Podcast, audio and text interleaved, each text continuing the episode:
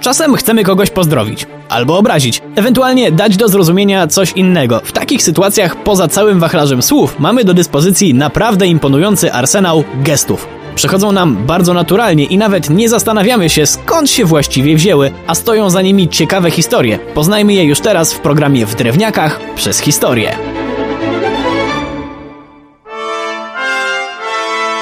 Zacznijmy od najpopularniejszego gestu świata i zarazem największej zagadki, jeśli chodzi o jego historię. Popularną okejkę znamy wszyscy. W ten sposób pokazujemy, że wszystko jest w porządeczku, używamy go też łapiąc stopa, a nurkowie pokazują w ten sposób, że będą wychodzić na powierzchnię. Trzeba z tym jednak uważać, bo w południowej Europie i na Bliskim Wschodzie okejka znaczy to samo, co środkowy palec. Niby sprawa jest prosta, bo ten gest pochodzi z czasów starożytnego Rzymu i podobno pokazanie kciuka uniesionego w górę przez władcę lub publiczność miało darować życie pokonanego gladiatora.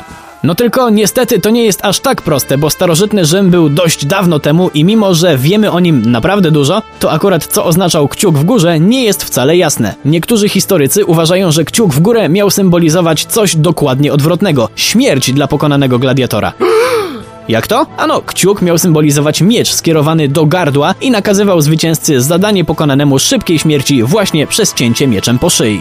Z kolei inni spece od tej epoki uważają, że kciuk wyciągnięty w nieważne jaką stronę symbolizował śmierć pokonanego gladiatora przez cios mieczem w plecy albo w serce, a wystawiony kciuk oznaczał, że zwycięzca pojedynku musiał pokonanemu wsadzić miecz aż po rękojeść. Niestety akurat na ten temat ani źródła, ani ikonografie nie rozwieją wątpliwości i znaczenie możemy się jedynie domyślać. Pewne natomiast jest, że okejka ma swoje początki w starożytnym Rzymie.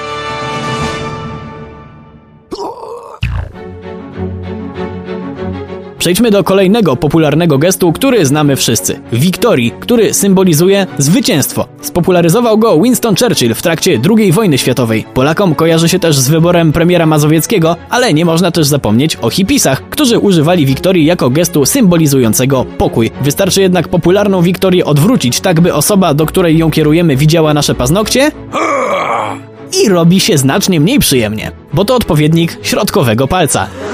Tak jest, ma swoje korzenie w XV-wiecznej Anglii. W czasie wojny stuletniej Anglicy korzystali z długich łuków, które były ich najskuteczniejszą bronią. Francuzi nijak nie mogli im zagrozić, bo strzały, które leciały w ich stronę potrafiły przebijać pancerze, co raczej nie dawało atakom wielkich szans na powodzenie. Kiedy więc jakiś angielski łucznik trafił do francuskiej niewoli, to ci ucinali mu właśnie te dwa palce używane przy pokazywaniu wiktorii. Później mogli takiego gościa nawet i wypuścić, bo nie mógł już naciągać cięciwy i był bezużyteczny.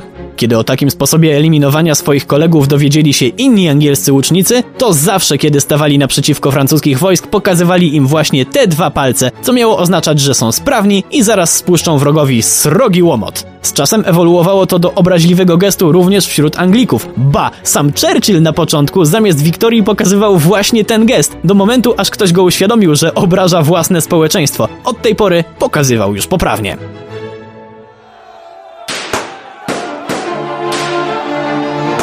Omówmy sobie jeszcze jeden gest, szczególnie ważny, bo to my, Polacy, jesteśmy za niego odpowiedzialni. I nie chodzi o gest Kozakiewicza, a o salutowanie dwoma palcami. Na całym świecie salutuje się całą dłonią, tylko u nas inaczej. Czemu? Ten zwyczaj podobno pojawił się w czasie wojen napoleońskich albo powstania listopadowego. Wtedy to adiutant jednego z dowódców miał jechać z ważną wiadomością do swojego szefa, ale niestety dostał się pod ostrzał i trafiono go między innymi w dłoń. Zostały mu tylko dwa palce. Dojechał do dowódcy, zasalutował tym, co mu z ręki zostało, przekazał wiadomość i zmarł. To podobno właśnie na pamiątkę tego wydarzenia wprowadzono zwyczaj salutowania dwoma palcami. Gesty to kolejny dowód na to, że historia drzemie we wszystkim, co nas otacza, nawet jeśli nie jesteśmy tego świadomi. Kolejnym świetnym przykładem jest obraz Bitwa pod Grunwaldem, ale to już opowieść na kolejny odcinek. Przy mikrofonie był Wojtek Drewniak. Do usłyszenia.